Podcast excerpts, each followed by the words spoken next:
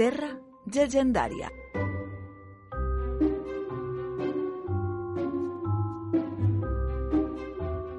Vinga, que avui la Terra Llegendària arriba més pròxima que mai.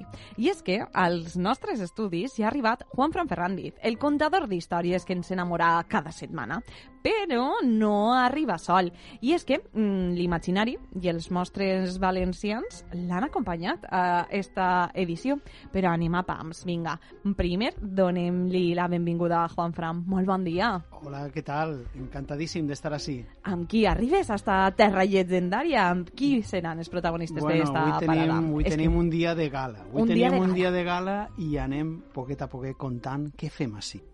Al Vinga. voltant del dia de Tots Sants de l'any passat, veia a la llum una proposta que és com la Bíblia d'aquesta secció.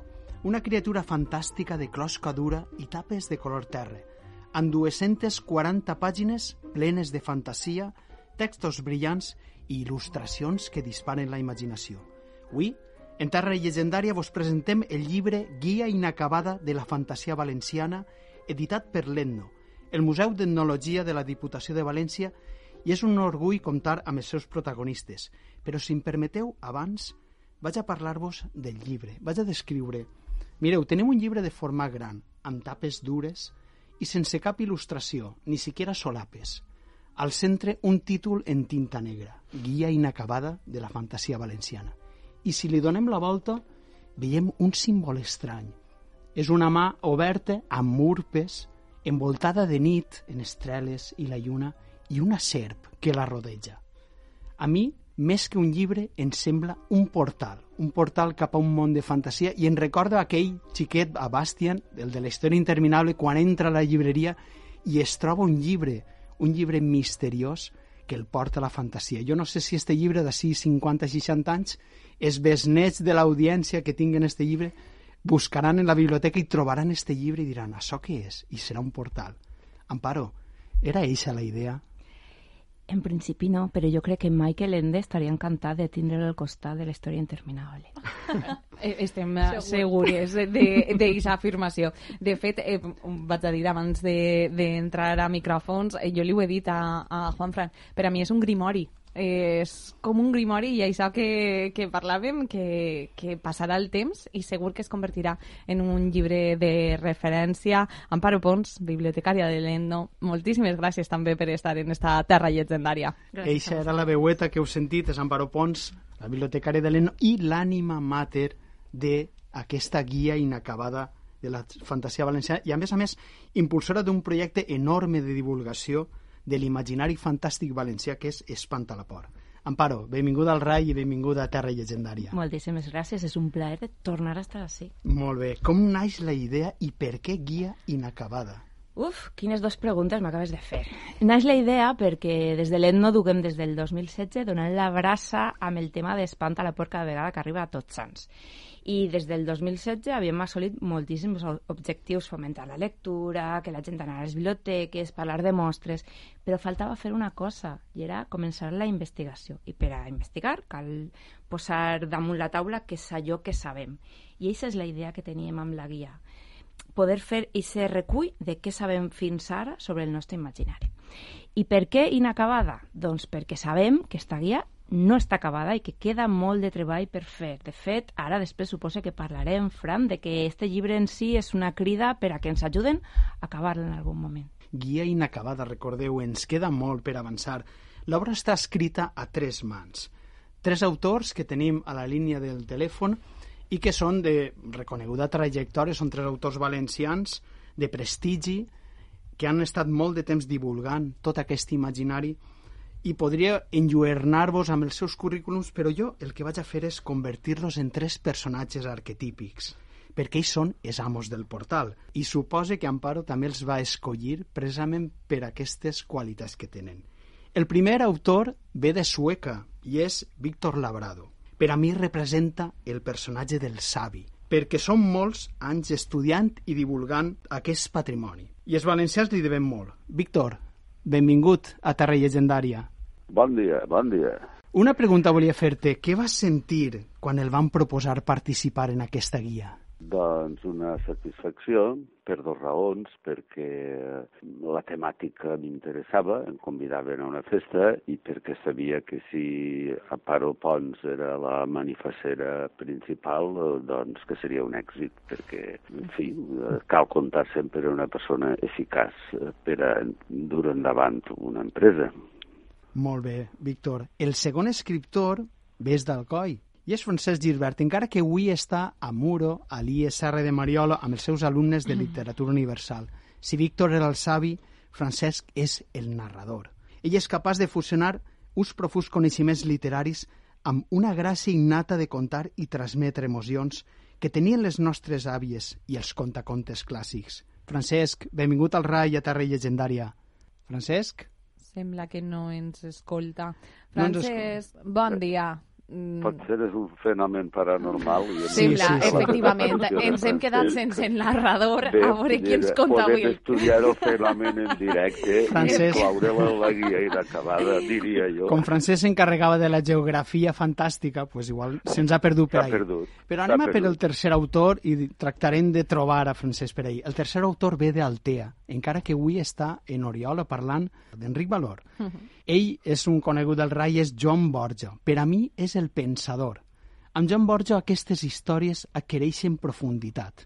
Ell domina els secrets de la gramàtica de la fantasia i sap relacionar-les amb la vida, demostrant que les rondalles i llegendes, com hem dit moltes voltes així en Terra Llegendària, són un reflex de nosaltres mateixa i de les nostres glòries i misèries. Joan, benvingut de nou a ta casa. Moltes, moltes gràcies. Bon dia, salut i fantasies. I escolta, la Chavo Park Line que has organitzat. Eh? Ah, sí, sí. Així és. Joan, la pregunta esta és per a tu, precís. Ens feia falta una obra com aquesta?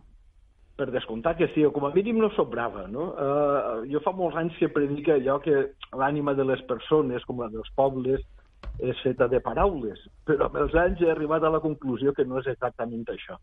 L'ànima de les persones, com la dels pobles, d'altra banda, és feta de paraules, sí, però també de, de fantasies. No? Posar al dia el patrimoni fantàstic valencià jo crec que era una cosa justa i necessària. No? Ara estava així mateix eh, fent una xerrada amb, amb els companys del Departament de Valencià de, de, de l'IES Gabriel Miró d'Oriola, no? i ja és bonic que a Oriola se sensibilitzen pel, per un patrimoni que hem de sentir com a propi, no? el dels valencians, i, i amb els alumnes plantejava precisament això mateix, no? de dir, i això de la fantasia, qui ens ho ha furtat als valencians i per què? I, i de seguida corregir la pregunta. No, no, no, no. La pregunta correcta és com els valencians podem reconciliar-nos amb la pròpia fantasia i per a què? I, I el llibre crec que és un camí per a la resposta necessària a aquest plantejament en positiu que les valencianes i els valencians ens mereixen. Veu perquè Joan era el pensador. Tornem al nostre narrador. Francesc, estàs per ahí?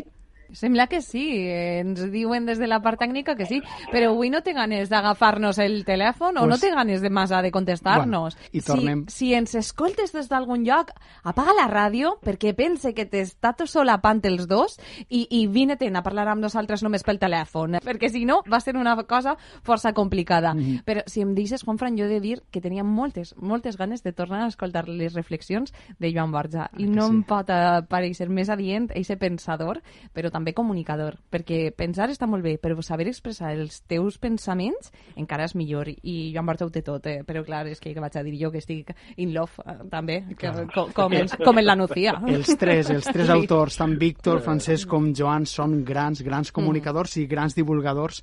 I jo ara m'encaré així en Amparo perquè, evidentment, hi ha una quarta pata que té este llibre vital, importantíssima, que és les il·lustracions fetes per Marc Bou. Ell no ha pogut vindre, però, Amparo, què ens podries contar?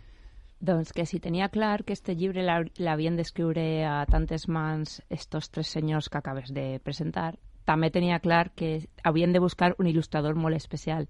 I Marc Bou té una manera de dibuixar que ja coneixíem perquè havia treballat moltíssim en la, en la fantasia valenciana, en molts llibres de literatura infantil i juvenil, però tenia una manera de dibuixar que recordava molt als jocs de rol, que pareixia que fos un gravat, que sabíem que a, a nivell de- d'expressió de, per als adults anava a eixir molt bé, i quan els vaig proposar a Joan, a, Víctor i a Francesc si es semblava que fora Marbou, els quatre ho tinguem ben clar que havia de ser ell. I el resultat eh, ha estat magnífic, crec jo. Jo sols he de dir que jo tinc una imaginació prou, prou desbocada i quan pense en una endolada que em puga trobar a un llevador de nit, evidentment en surt una imatge molt clara, doncs eixa endolada és la que jo trobe en la guia inacabada de la fantasia valenciana. És allò que tenim en el cap reflectit en, en il·lustracions i és, és, és increïble. És dir, li augmenta aquesta sensació de misteri que ja té tot el llibre. I Amparo, com s'estructura? Anem a parlar un poc ja del llibre, és dir, com, com l'heu estructurat?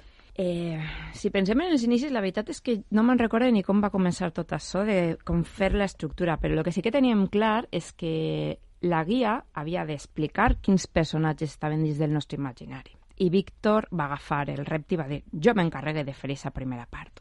I la primera part, a banda que té un títol llarg, com ens agrada, pareix de Michael Ende, val? Mm -hmm. Repertori alfabètic de jocs, objectes, presències secretes i éssers o criatures de natura ambigua o d'existència improbable. Este és Víctor. I és com una mena de diccionari.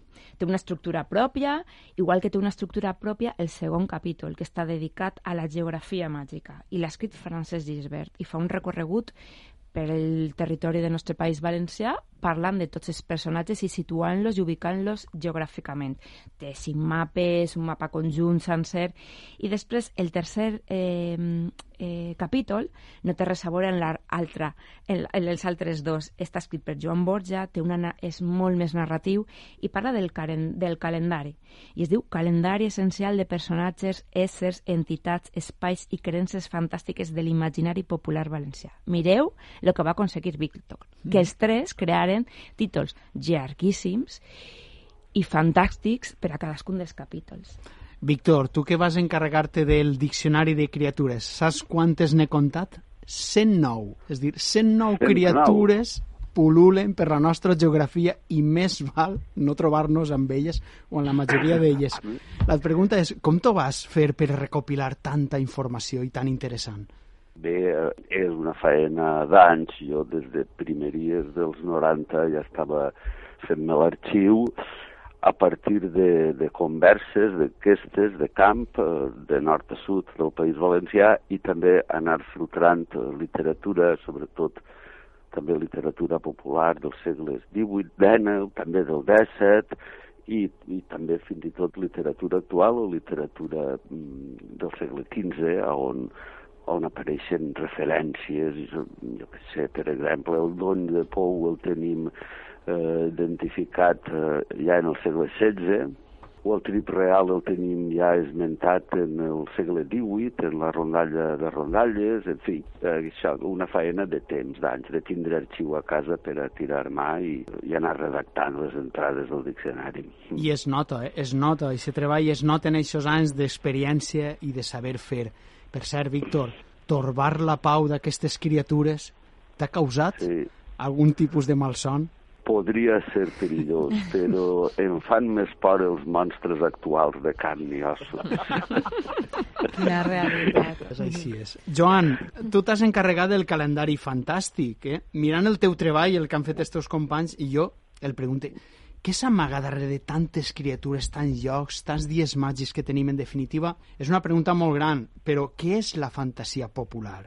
la, la vida arriba fins on arriba, i no és poc, però tenim la possibilitat de, per mitjà dels camins de la fantasia, viure una vida de propina que, de més a més, ho explicaves molt bé tu, no? que no, no és casual, que respon a una gramàtica de la fantasia que en diem a la universitat. No? Igual que les llengües tenen una relació dialèctica amb les cultures i els pobles, i, i un poble eh, depèn de, de la llengua que parla, i la llengua que parla depèn de l'aventura compartida del poble, que passa una mica igual amb les fantasies. I la fantasia que té un poble doncs no és sinó, sinó un, un trassumpte, no? un, un espill eh, on ens podem mirar com a col·lectivitat humana. Dis-me que eres capaç d'imaginar, de fantasiejar, dis-me que eres capaç de somniar i jo diré qui eres.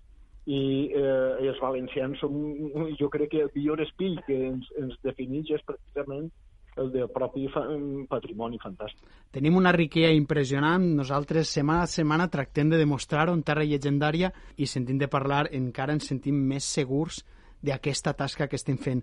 Ara, imaginem que pillem el focus i, i l'elevem cap amunt i anem a veure el llibre com a producte. És dir, el llibre és un tresor que ens ha regalat l'Etno a tota la gent valenciana.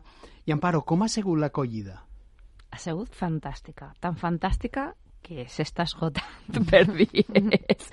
I, de fet, el dia 12 de març estarem els quatre en la plaça del llibre d'Ells i estic arreplegant de llibreries que encara estan en depòsit llibres per poder poder tindre venda ahí. Ha anat tan, tan bé que la gent està contentíssima i nos lo quitan de les manos, com es dir. El repte és que anem a treure una segona edició. És una gran Ja, notícia. ja. En quan la impremta de la Diputació, meravellosa impremta de Diputació i companys que ens faciliten les coses, treure una segona edició perquè és imprescindible que este llibre arriba a tots, perquè la idea és eixa, que tot el món ens ajude acabar de, acabar de completar-la. Perquè és un portal, recordem, no és un Efecti- llibre. un portal que sembla s'està obrint i els núvols s'han dissipat per a poder per fi donar-li la benvinguda a Francesc Gisbert. Ara sí, Ara sí, Ah, ara vinga. sí. Jo estava en classe, eh? Estava en classe. Clar, Jo sé, exacte. com que anava a la cobertura. El- Ara el- em deixi fora, Eh, el pati. molt bé, molt bé. Ara sí podem fer-li alguna pregunta Sí. al nostre narrador. per al nostre narrador, aquesta persona que té aquesta capacitat de contar i transmetre emocions, jo volia preguntar-te com va ser el procés de creació de la guia? Bé, nosaltres tres, els tres autors, feia molts anys que estaven treballant sobre aquests temes, cadascú pel seu compte. I es van conèixer, van fer amistat, i teníem en el cap fer alguna cosa conjunta. I bé, com que en Pare Pons ens ho va proposar, doncs vam fer, hem de fer un treball primer de selecció, perquè hi ha molts temes que podrien haver aparegut en la guia de la fantasia valenciana. I hem de fer una tria, primer, de quins són els, les criatures fantàstiques no? més importants per a la història dels valencians. No? Després, quina és la seva distribució geogràfica, el calendari. I també, clar, com que els tres ens dediquem a la docència, jo, jo també tenia el cap que aquest material després poguera aprofitar també, no? Per a, no solament per a crear històries, si agafava alguna persona de curiositat, així més tipus escriptors, sinó també per a un aprofitament divulgatiu a les aules, això crec que era, és una part que hem de fomentar molt en el nostre imaginari, o sigui, de tornar-lo a donar a conèixer Mm -hmm. perquè tot, totes les criatures que apareixen abans, temps era temps, eren conegudes, però avui dia ja no ho són tant i hem d'anar recuperant-les. Molt bé. Francesc, jo volia fer-te una siguiente pregunteta curta. Tu et vas encarregar de la geografia fantàstica. Quina sensació dona mirar el plànol, el mapa de la comunitat valenciana i voler-la tota farcida de puntets, de puntets, de puntets, on han passat coses, on hi ha llegendes, on hi ha històries. Doncs mira, és un tema poc compromès, perquè clar, nosaltres sabem el que sabem. Val? Clar, nosaltres hem fet un estudi, hem, hem arreplegat dades, però som conscients que hi ha molts pobles com per exemple segur que tenen una llegenda d'encantada, però nosaltres no la coneixem perquè no s'ha estudiat o perquè la coneixen només el d'allí. Per tant, clar, la guia té aquest component inacabada. Mm -hmm. Sí que és veritat que tu mires altres, alguns, topon, algun, alguns mapes no? que sí que tenen més informació, les encantades, o mires, per exemple, el, el mapa dels tresors amagats, i veus que hi ha una gran riquesa. Eh? Que tots els pobles tenen alguna cosa, si no d'un dimoni, o tenen d'una encantada, o d'una bruixa, és a dir, en tot arreu podem trobar temers llegendaris. No? I es tracta això, que la gent dels, dels propis pobles es, es valora i es conega. És I fantàstic guia crec i, que ho aconseguirà. i és inacabada i a veure si entre tots anem, anem continuant acabant-la. Víctor, la vostra presentació que jo vaig assistir al COI d'aquest llibre va ser una de les més divertides que he estat mai. La pregunta és, aneu, teniu previst seguir promocionant aquesta guia per als pobles i per les ciutats valencianes? Sí, eh, per part nostra sí. Tot depèn de les propostes que es fas sent d'ací d'allà que anem i vull dir, allí doncs en seguida anem el senyor Francesc, el senyor Joan i jo a, a fer eh, d'artistes, eh, que és el que és la nostra tendència natural. Si, si hi ha la complicitat necessària, sí. Pues jo ja des d'ací recomano. Queda, queda una crida també, perquè la gent que no només s'acosti a veure les presentacions que segur que van a fer, sinó per a contar les històries que encara no estan en esta guia, no? Mhm. Així és, Sí, així sí, és. també. Tant a ells com a la nostra terra llegendària. A més, esteu veient que al final el que tractem, i això està fent el Lenno i està fent sobretot Amparo, és tractar de totes aquestes sinergies, tota aquesta gent que està interessada per aquest imaginari, anar aglutinant-la, que es conegant, que puguem, i al final de tot això eixiran encara coses millors i més boniques. I aquesta és la, la pregunta que jo volia fer-te, Amparo. Això forma part d'una campanya molt més gran, una espècie d'inspiració que recorre tot això que és Espanta la por. Mm. Jo sí que voldria que ens parlares, molta gent ja ho coneix, però un poquet, què és Espanta la por?